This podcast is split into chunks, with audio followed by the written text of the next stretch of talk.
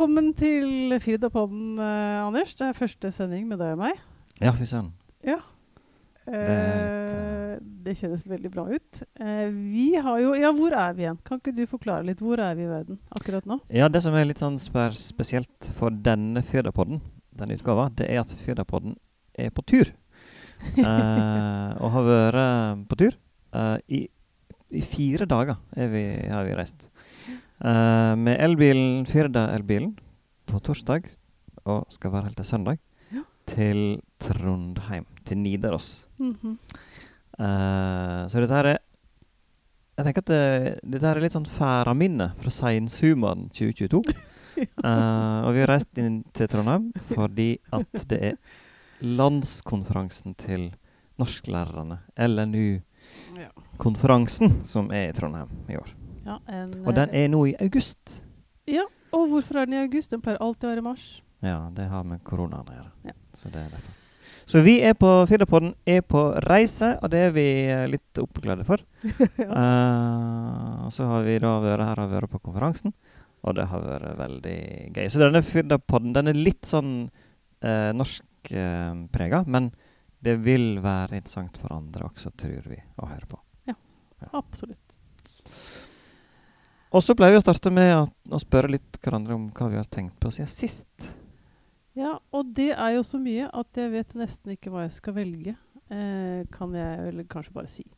Eh, Det har liksom vært en lang sommer og kjempeoppstart på skolen. Full rulle.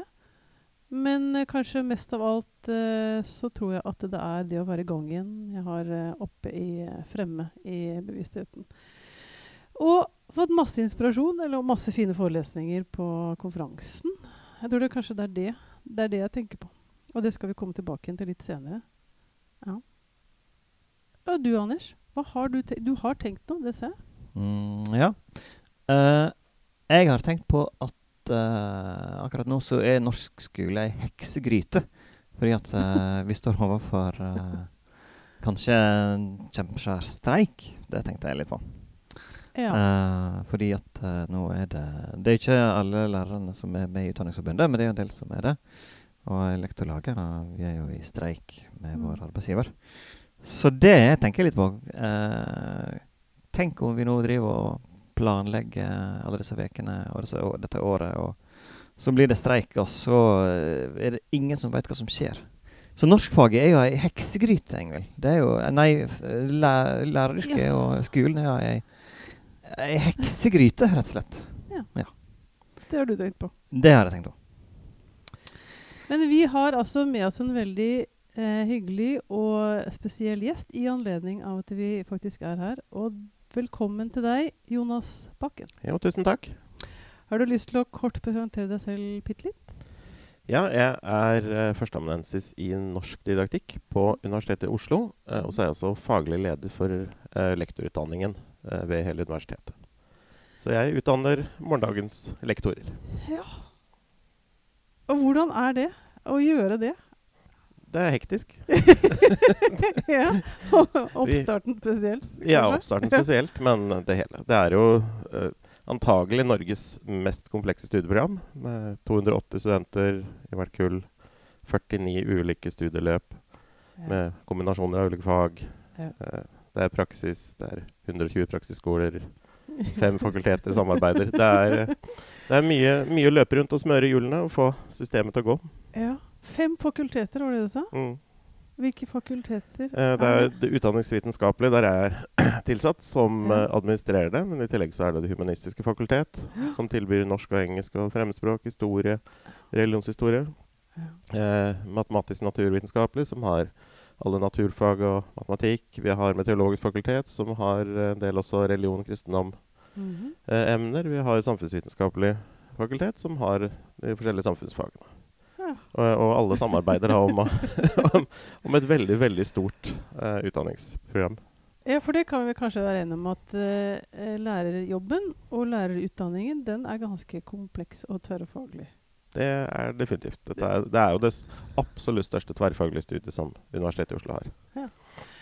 Men eh, vi lurer jo litt på det. fordi at eh, vi har jo selv vært eh, videregående elever eller skoleelever. Og jeg syns ofte at når jeg hører foredrag og presentasjoner og alt mulig og leser litteratur, så refererer jeg ofte til meg selv som elev. Eller mine egne erfaringer. Og så lurer vi litt på da, Hvordan var du som videregående elev? Var du en eh, ramp som fløy opp og ned overalt, eller? Nei, jeg var sånn streberflinkis. Du var en streberflinkis. Ja. Ja. Det, jeg hadde vel eh, sklidd gjennom ungdomsskolen uten å gjøre noe som helst, bare på å være smart. Eh, men, men, Ja. men på videregående, i hvert fall begge to, så gikk ikke det lenger. Nei. Da måtte man begynne å lese og gjøre ting. Ja, Du måtte begynne å jobbe. Ja, det, ganske mye. Ja, ganske Ja, så det var veldig, veldig mye lesing og pugging. Og, eh, så jeg slutta med idrett, som jeg hadde drevet med ganske mye. Ja. Og brukte kveldene på lesing i stedet. Hvilken skole gikk du på da? Eh, Greåker videregående i Sarpsborg. I Sars- Hva slags idrett drev du med da? Ishockey. Ja. Savner du det? Eh, nei, jeg var utrolig dårlig. I det. Og uh, så jeg vet egentlig ikke hvorfor jeg drev med det. Eller jeg begynte med det så tidlig at jeg husker aldri at jeg noen gang starta. Plutselig da jeg var 16, så skjønte jeg at jeg kan jo faktisk slutte. Men var- Men var det fordi alle i, uh i Østfold driver med ishockey? Er Ja. ikke det ganske, det er ganske er det. store lagre? Ja, det er stort sett det man Er gjør. det det man gjør? Sparta Sparta, ja. Det var der Ja. jeg spilte. Ja. Mm. Sånn fram til juniorlaget. Men eh, Men var det hyggelig, da? Altså Var det sånn god stemning på laget og hyggelige folk? nei, ikke spesielt. Eh, Nei. Du drev Jeg bare fortsatte av gammel vane. Det var like selvfølgelig som å gå på skolen. Så, Ja, det var litt sånn, ja. så man bare gikk på noe trening, da. Men hvordan fant du ut at det var på en måte Hvordan endte du opp eh, på en måte som lærer da? Jeg har vel alltid vært sånn interessert i, altså, i mange av skolefaga. I lesing, læring. Ja. Eh, og jeg var jo på videregående så var jeg en sånn realfagsstudent Ja. som eh, tok fordypning i matte og kjemi og Ja, biologi. og var med i Kjemiolympiaden og ja nettopp. så videre. Eh, og gjennom store deler av skoleløpet så var norsk mitt aller dårligste fag. Men det må jo være Ja, men det er kjemperessurs. Ja. Hvordan snudde du det? Eh, det snudde med å få en ny norsklærer på VG2. Jaha. Eh, for fram til det så hadde norskfag vært Det hadde vært helt ugjen, ugjennomtrengelig. Det hadde vært Ja. my, mye føling. Uh, man skulle skrive føl, innfølende skildringer. Man skulle lese dikt og si hva man følte. Det var liksom ikke noe som passa meg. Jeg klarte aldri helt å knekke koden til hva er det egentlig vi driver med her. Og så fikk jeg plutselig en ny norsklærer som, Som- kom, kom fra universitetet, hadde studert litteraturhistorie og var Plutselig ble norskfag et fag man kunne lære. Man kunne, de kunne lese til norsk. Og, eh, og da fikk jeg plutselig utbytte av liksom, min allmenne leseinteresse. Og eh, det ble all, Jeg var fortsatt mye bedre i kjemi, men, eh, men norsk ble veldig mye morsommere. Så det var danningsfaget norsk, da, på mange måter, som Ja. berga deg? Det var det. Jeg klepper i litteraturhistorie. Eh, Mm.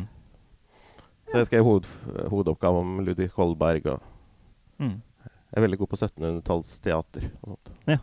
Ja, men det kan komme med. Ja, ja, ja. Men så har du jo, men så har du jo da um, eh, Fra denne her juniorlandslaget i Sparta, så har du jobba deg fram til førsteamanuensis uh, i norsk. Hva er veien fram? Hva har liksom vært veien fram til ditt yrke nå? Eh, nei, jeg begynte opprinnelig på allmennlærerutdanning på Høgskolen i Østfold. Eh, og tok en fireårig eh, utdanning der. Alltid vært litt sånn, litt sånn rastløs og hoppete i eh, utdanningsløpet mitt. Så jeg begynte på den fireårige allmennlærerutdanning, og så var jo det ålreit nok. Eh, men jeg var jo ble sånn litt lei, for jeg har også, alltid hatt sånn den realfagsslagsiden. Så jeg fant ut at det gikk an i stedet for å ta fjerde året der, så kunne man ta et ettårig informatikkstudium ja. i Halden, som man kunne få godskrevet som en- det fjerde året. Så Ja. da begynte jeg på det. Og så etter hvert så syntes jeg det var kanskje ikke helt meg, det heller. Så på et eller annet tidspunkt så satt jeg med en diktsamling av Stein Meren bakerst i, i forelesningssalen på, på programmeringsemnet. Ja. Ja. Tenkte Det høres jo veldig vakkert ut. det er veldig vakkert. Sånn, det, det- så det, jeg er åpenbart på feil sted. Så da søkte jeg på eh, Universitetet i Oslo og tok mellomfag og hovedfag i nordisk litteratur der. Og så jobba jeg litt som uh, norsklærer i videregående. Og så mm -hmm. uh, fikk jeg tilbud om stipendiatstilling på universitetet. Og så har jeg bare grodd fast der. Så Og videreutviklet uh, dere og deg, eh, Ja, høres det ut som. Ja. Ja. Um. Ja, for vi må jo Vi kan jo si litt mer om deg, da. Altså grunnen til Det var kanskje ikke hovedgrunnen til at du var her på konferansen, men en av grunnene var jo at du har rett og slett eh, i uh, går på LNU-konferansen fått tildelt selveste LNU-prisen. Ja. Uh, og det er jo en pris som LNU gir ut um, til en person som har, uh, ifølge statuttene, da, betydd svært mye for utvikling av norskfaget. Uh, og um, begrunnelsen for prisen uh, skriver LNU uh, vil, I begrunnelsen skriver de vi vil særlig trekke fram vedkommende sin vilje til å tre ut av universitetsgangene til å formidle, møte og lytte til norsklærere i felten osv. Uh, hvordan var det å få LNU-prisen? Det var veldig stas. Altså. Det tror jeg er det beste jeg kan få i min bransje. ja. Uh, og når jeg ser på lista over de andre som har fått det, så er det et veldig celebert selskap.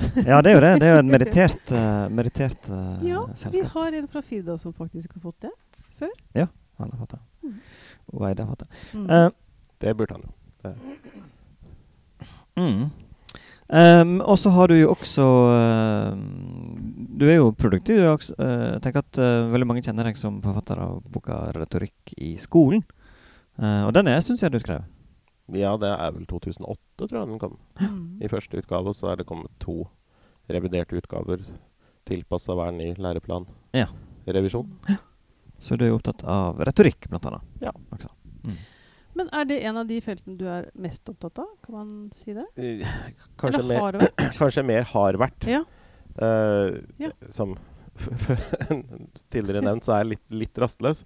ja. Så jeg har aldri helt vært den akademikertypen som liksom blir superspesialisten på et eller annet. For jeg går litt fort lei. ja. At Nå, tenker jeg sånn, nå har jeg ikke noe mer å si om retorikk og skole. Så det er som sagt det som går an å si. ja. Uh, så det gjør jeg ganske lite av nå. Det gjør du lite av. Sånn, så jeg, hopp, jeg hopper ganske fort mellom, mellom temaer og områder. Det er morsommere å utforske et nytt, nytt fagfelt enn å sitte og trampe i det samme. Ja. Men eh, da du skrev den boken, hva var det du ville eh, med det? Hvorfor var det så viktig da? Nei, det var jo en litt sånn eh, heldig sammenfall i tid. Eh, altså Kunnskapsløftet kom jo i 2006. Eh, og der hadde jo retorikk kommet inn Mm. eh, som var kompetansemål på PG3, med retorisk analyse. Sikkert godt hjulpet av en Firda-lærer, tror jeg, som satt i læreplangruppa der. det kan være det. ja. ja. Eh, og jeg ja, gjorde ferdig min doktoravhandling i 2007. Eh, disputerte jeg vel. Eh, på en eh, retorisk eh, doktoravhandling, Mm. som vel en, en av bare to i Norge, tror jeg, som hadde gjort det. ja. Mm. Eh, og når jeg i tillegg var norsklærer og eh, og interessert i eh, skole og norskfag og lærerutdanning og sånn, så var det jo en enorm etterspørsel etter kursing og eh, videreutdanning, etterutdanning. Ja, retorikk var rett og slett i vinden. Ja, for det var jo tusenvis av norsklærere som plutselig fikk dette i fanget uten å kunne noen ting om det, og plutselig måtte undervise i det. Mm. Så jeg var jo på i nesten tre år på en kontinuerlig norgesturné, eh, Ja. og hadde Rundt Sånn. omkring på, på skolen. Du var hos Ja. oss eh, Du har ja. vært hos oss flere ganger. tror Det jeg. husker jeg. Eh, Den teatersalen, eller hva det er. Ja, Eh, Ja, i, kultursalen. er I eh, kultursalen. Kultursalen. Eller var det kinosalen? Ja. Stemmer det, det. det var Ja. veldig fint. Uh, så jeg, to ganger tror jeg har vært på film. Ja. Men uh, så det var jo en sånn kontinuerlig sånn krasjkurs i retorikk. Jeg var, jeg var i 18 av 19 fylker eh, og hadde kurs for tror jeg, samtlige videregående lærere. Ja, for det er jo litt sånn fascinerende at uh, du er norsklærer, og plutselig så dukker det opp et emne på planen som, som du kanskje ikke kjenner. Eh, altså, hvordan var det? Var det, var det mm, åpne armer, eller var det motstand? Eller hvordan, eh, altså, Det- hvordan reagerte fagfeltet på dette her? Det var jo mye usikkerhet, mest kanskje. Mm. Eh, litt motstand fra enkelte, men jeg tror liksom når de skjønte hva det handla om, og så nytten av det, så gikk det ganske fort hjem. altså. Mm.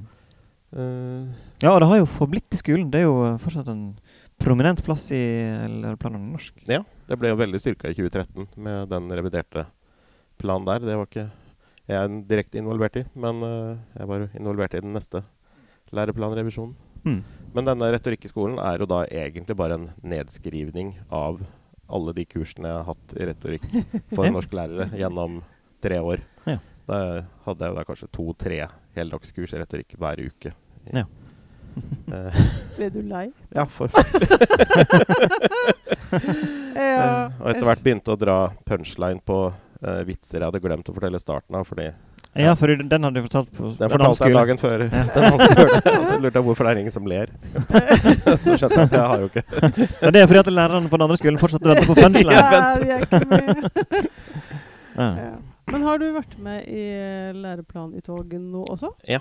ja. Uh, I LK20, fagfornyelsen, så var det både i kjerneelementgruppa og i læreplanggruppa. Ja. Og hva vil du trekke frem som er øh, kanskje viktigst viktig ved det arbeidet? Det var jo egentlig en positiv overraskelse, vil jeg si. Ja. Eh, da vi kom i kjerneelementgruppa, da var jo en sånn stor samling på Gardermoen med alle kjerneelementgruppene i alle fagene. ja. Eh, og Udir skulle eh, presentere det, og det var veldig mange sånn snakken oss imellom som var der i disse kjerneelementgruppene, er jo at nå vi er her som alibi. Altså, dette her er bestemt på forhånd. Udir, okay. uh, Udir har lagd noen greier ja. som de skal trenger noen sånn faglige ansikter å Ja. klistre på. Ja. Uh, dette her er bare for show. Ja. Uh, men, så, Men men så begynte det. det. Så begynte første samling der, og så kom det noen fra UDIR. Okay, vi, skal, vi har fått oppdrag å lage kjerneelementer. Vi aner ikke hva et kjerneelement er.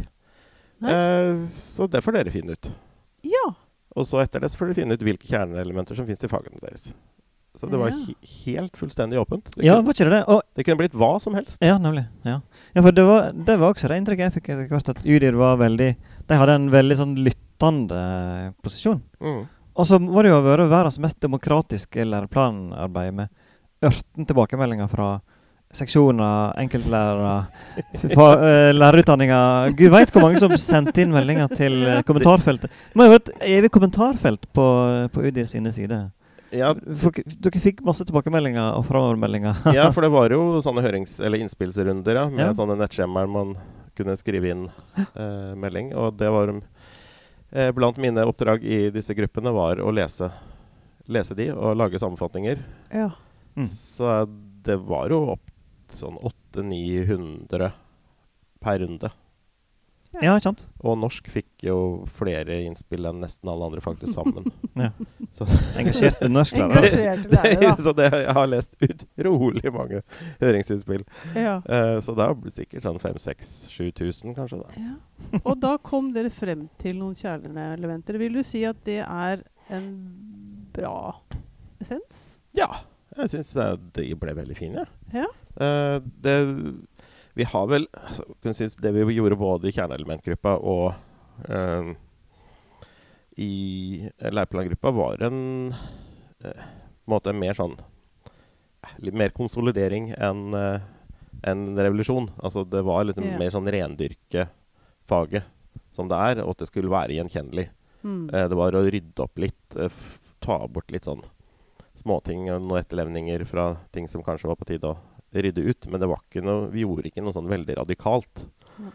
Ehm, litt også fordi det var en en Som ofte har blitt glemt, men det var jo en ganske stor eh, læreplanrevisjon i 2013 av norsk og Mm. eh, samfunnsfag og engelsk, kanskje det var.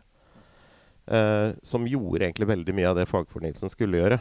Mm. Så det var på en måte nesten ferdig når vi begynte.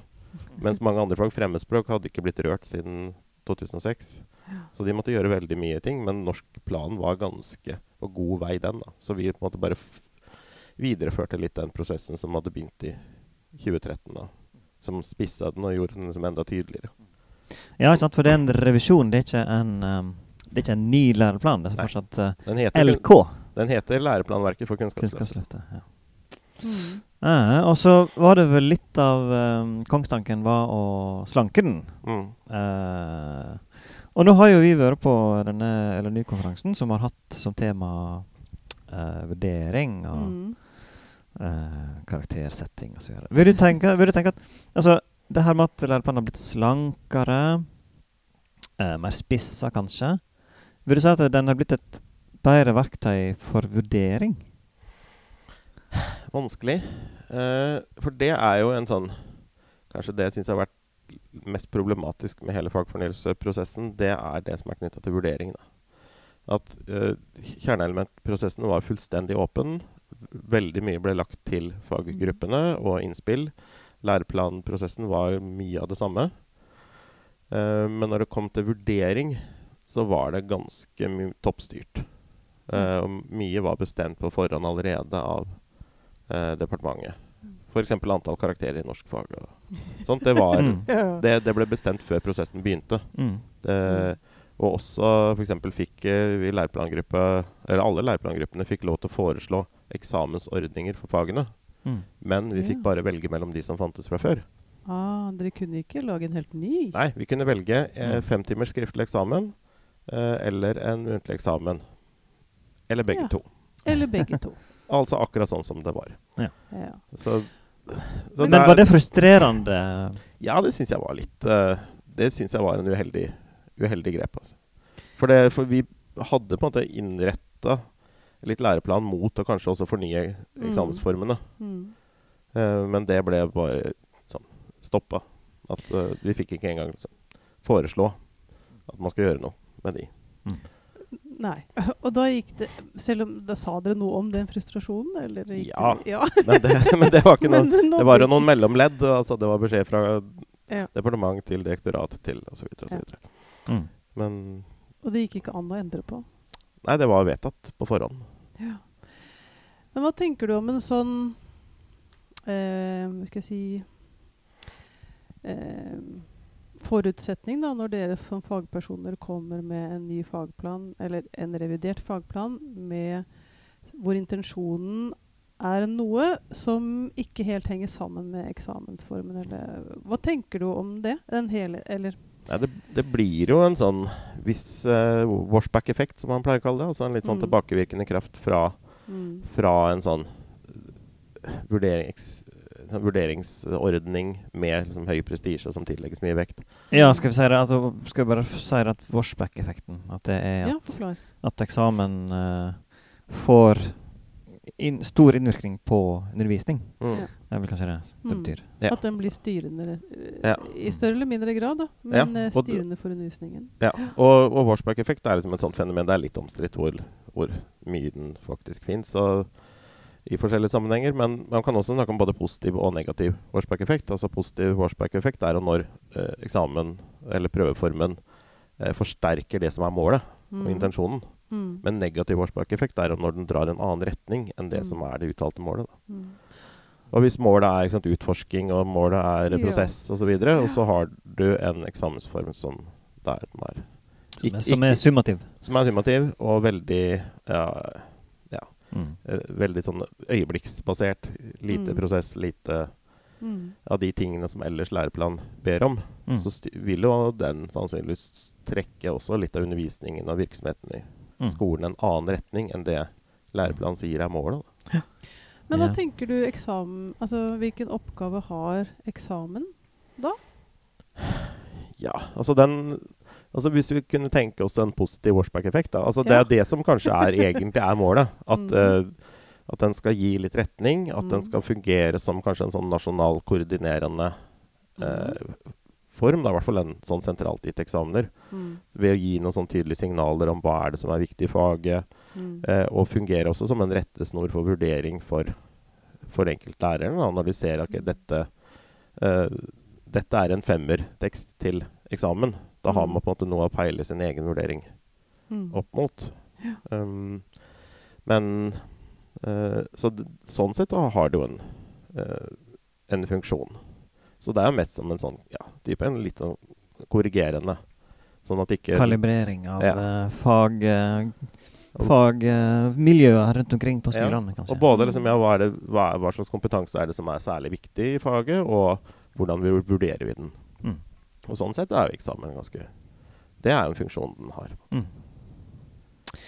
Ja, men så har vi jo da fått en eksamensgruppe som har uh, Iallfall i eh, noen av fagene, altså norsk bl.a., og en del fag, som har um, sett på dette med, med problem med, med eksamen knytta opp til dette med reliabilitet og validitet. Ikke sant? Og der har jo norskfaget fått litt uh, smekk fordi, fordi, det er så stort sprik mellom uh, utgangskarakterene mellom to sensorer. ikke sant? Mm.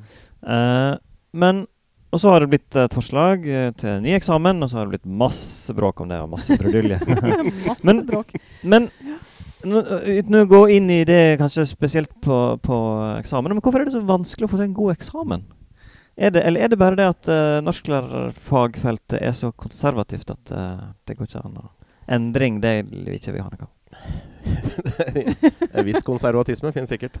Uh, men et, altså noe som gjør, gjør, det vanskelig å gi, lage en sentralt gitt eksamen, det er jo den type læreplan vi har.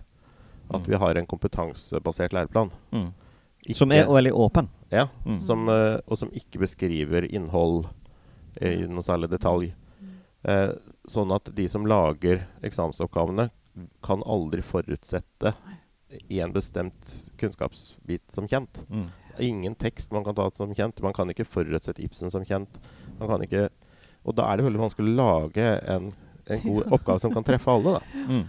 Eh, fordi det, det, må være på veldig generisk mm. eh, plan. Og derfor er jo veldig mange av de eksamensoppgavene i norsk eh, på VG3 eh, er jo sånn analyse av ukjent tekst. Mm. mm. Fordi da er det forholdsvis rettferdig for alle elever mm. at ingen kjenner den. Men da får man jo ikke kanskje egentlig den ideelle hadde vært hvis man visste at alle har jobbet med Tukkehjem. Ja. Mm. Da kan vi ha en eksamen i Tukkehjem. Mm. Men det, det, hadde for, for eksamens del altså hadde det vært en det var, Da hadde det blitt enkelt å lage eksamen? Ja, og det hadde fått mye mer reliabel vurdering av, er jeg ganske sikker på. Mm. Hvis du hadde faktisk kunne knytte det til et helt konkret innhold. Ja.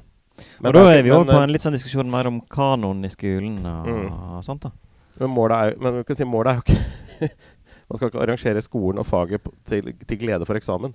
Det er eksamen som skal tjene faget, ikke motsatt. Ja. Uh, så det er jo ikke om å gjøre å lage en læreplan som, som lager en mest mulig presis eksamen lettest å lage. Lettest å lage, nei. Mm. Så, men kanon, eh, ja, det var, jo, det var, jo, det mye av diskusjonen om læreplanen ja. uh, gikk. Men den det og det gjelder vel ikke bare norskfaget? Det har sikkert nei, også uh, eksistert for språkfaget? Ja, og historie fikk vel det meste i denne runden. Mm. Historie og samfunnsfag var de som fikk mest. For uh, norskfaget fikk jo sin store kanondebatt i 2006 med mm. Kunnskapsløftet, da mm. faktisk kanonlistene ble tatt ut. Mm. Så det kom en sånn liten reprise i fagfornyelsen også, men den store trøkket kommer på historie. Mm. Og skal holocaust nevnes, skal uh, Mm. Andre verdenskrig nevnes. Skal 22. Mm. juli nevnes osv. Mm. Men der, der, var det også et sånt uh, vedtak fra departementet at nei, vi skal ikke nevne spesifikke innholdskomponenter. Det skal ikke være en kanonliste. Det, det, var, helt, det var vedtatt på forhånd. Ja. Ja, og der er vi da, og det er vel kanskje mange lærere som etter hvert har blitt komfortable med den type læreplan. At en har den Det er også en tillit som vises til læreren. At den er en åpen læreplan, og det er opp til opp til eh, læreren. Og det er kanskje vanskelig å gå tilbake igjen fra det da, til en kanon, eller? Ja, altså hvis man ser sånn Jeg er litt sånn læreplanhistorienerd. Jeg tror det er jeg og en til i verden som er det. jeg syns det er veldig gøy å lese gamle læreplaner. Eh, og har sett eh, Så jeg kan de der på rams. Eh, og det er jo faktisk bare én gang vi har hatt en kanon mm. i læreplaner i Norge. Ja, i L97? Det er, L97 ja. uh, for grunnskolen, og det er Reform 94 for uh, videregående. Mm. Det har aldri vært før, og det har aldri vært etter. Nei. Det er eneste gang det nevnes forfatternavn. Så det er, det, er, det er, jo egentlig Så L97 og Reform 94 var jo faktisk å gå, gå, til en kanon, så det går an å gjøre det en gang til. Ja. Eh, for Se på 70-tallsplanen og sånn, de har ingenting sånt. Det er sånn De skal lese noe viktig norsk litteratur. Mm. Og så tar man for gitt at det vet lærere hva er. Ja. Men det innebærer, innebærer, jo at man stoler på dette ja, faglige skjønnet til mm. norsklærerne. Det er en bra ting. En bra ting. Men jeg tenkte på det at uh, andre lands læreplaner, har du tittet på det òg? Når, når, du har sittet nå i uh, læreplangruppen? Ja, vi gjorde jo litt det for, ja. for, å prøve å finne ut hva er et kjerneelement. Ja, uh, så da fikk vi bl.a. også fra UDIR eksempler på andre lands læreplaner. I hvert fall sånne som har brukt type core kjerneelements og noe sånn lignende ting som Ja. For ordet kjerneelement er også bare noe som er funnet opp av ja. Kunnskapsdepartementet. Ja. Det er jo ikke en ting. Det er bare Nei. et ord som ble, det står i en stortingsmelding. Et nyord. Ja, det er definitivt et nyord som vi måtte bare finne ut hva betyr. Ja. ja. Um, men jeg har, s- eh, har jobba med en del sånn, med en sånn sammenlignende studier av uh, morsmålslæreplanen i Norge og Sverige og Danmark, blant annet. ja. Mm. Uh, og de er jo eh, ganske like de norske. De er ganske like. Eh, Hvordan fra- da? Nei, at de er i hvert fall den danske. Det er også en sånn kompetansebasert Mhm. læreplan. Eh, og det er også egentlig en svenske i stor grad. Men den danske har et sånt vedlegg med en kanonliste i tillegg. Ja, I tillegg som vi kom til seinere. Ja. Ja, men, som en sånn, men den er veldig liten. Mm. Mm. Det er jo sånn typ ti, ja. ti navn. Mm. Sånn du skal ha lest H.C. Andersen. Du skal ha lest Ja. sånn, noen sånn. Ja. Men den er veldig liten. Ja. Eh, så jeg, vi, har, vi lefla jo med ideen også i leirplangruppa. Sånn, hvis noen ber, ber oss om, om en, så kan vi sikkert lage en sånn ti. Men, eh, vi tenk, men det tror jeg kanskje ikke hadde vært så dumt å hatt en minimumskanon. Mm. Eh, for- Minste felles Ja, en sånn ja, Mm. ti, da. Åt- Mm. Åtte-ti. Ibsen og Ja, noe sånt. Hamsun. og- Mens uh, det som man hadde med L97 og Reform 94, det var en maksimumskanon. Altså den, de var jo så lange, Mm. de listene. Mm. Det var f og, og antall sånn innholdsmomenter. Bare på ett klassetrinn, altså på tiende trinn i L97, så er det 24 lange Mm. innholdskomponenter. Mm. Ja. Eh, og bare ett av de er en oppramsing av 15 forfatternavn. så, Ja. så det, det er. Og den der er det vel ikke så mange som ønsker seg tilbake til, kanskje? Nei, jeg har prøvd å undervise i den selv, og det var ikke noe særlig. altså. For du, du, da har du ingen frihet. Uh, det er vel kanskje, de, kanskje noen faglig usikre uh, finner kanskje noe sånn støtte og trøst i det, men de Mm. kan finne Sånn avslutningsvis, nå er vi begynner å um, runde av. Men du sier jo sjøl, som du sjøl har undervist i, du, og du har jo um, med lektorprogram å gjøre. Underviser du noe særlig elever sjøl? Studenter sjøl? Altså, eh, vurderer du elever sjøl, for å si det sånn? Uh, jeg, Det jeg underviser for tiden nå, er eh, eh, Eller jeg veileder masteroppgaver i norsk etikk. Hva ser du etter der når du skal vurdere? Hva er det som gjør ei oppgave god? Nå er vi jo på masternivå, da, men Mm. er det noe sånn generelle trekk å hente ut?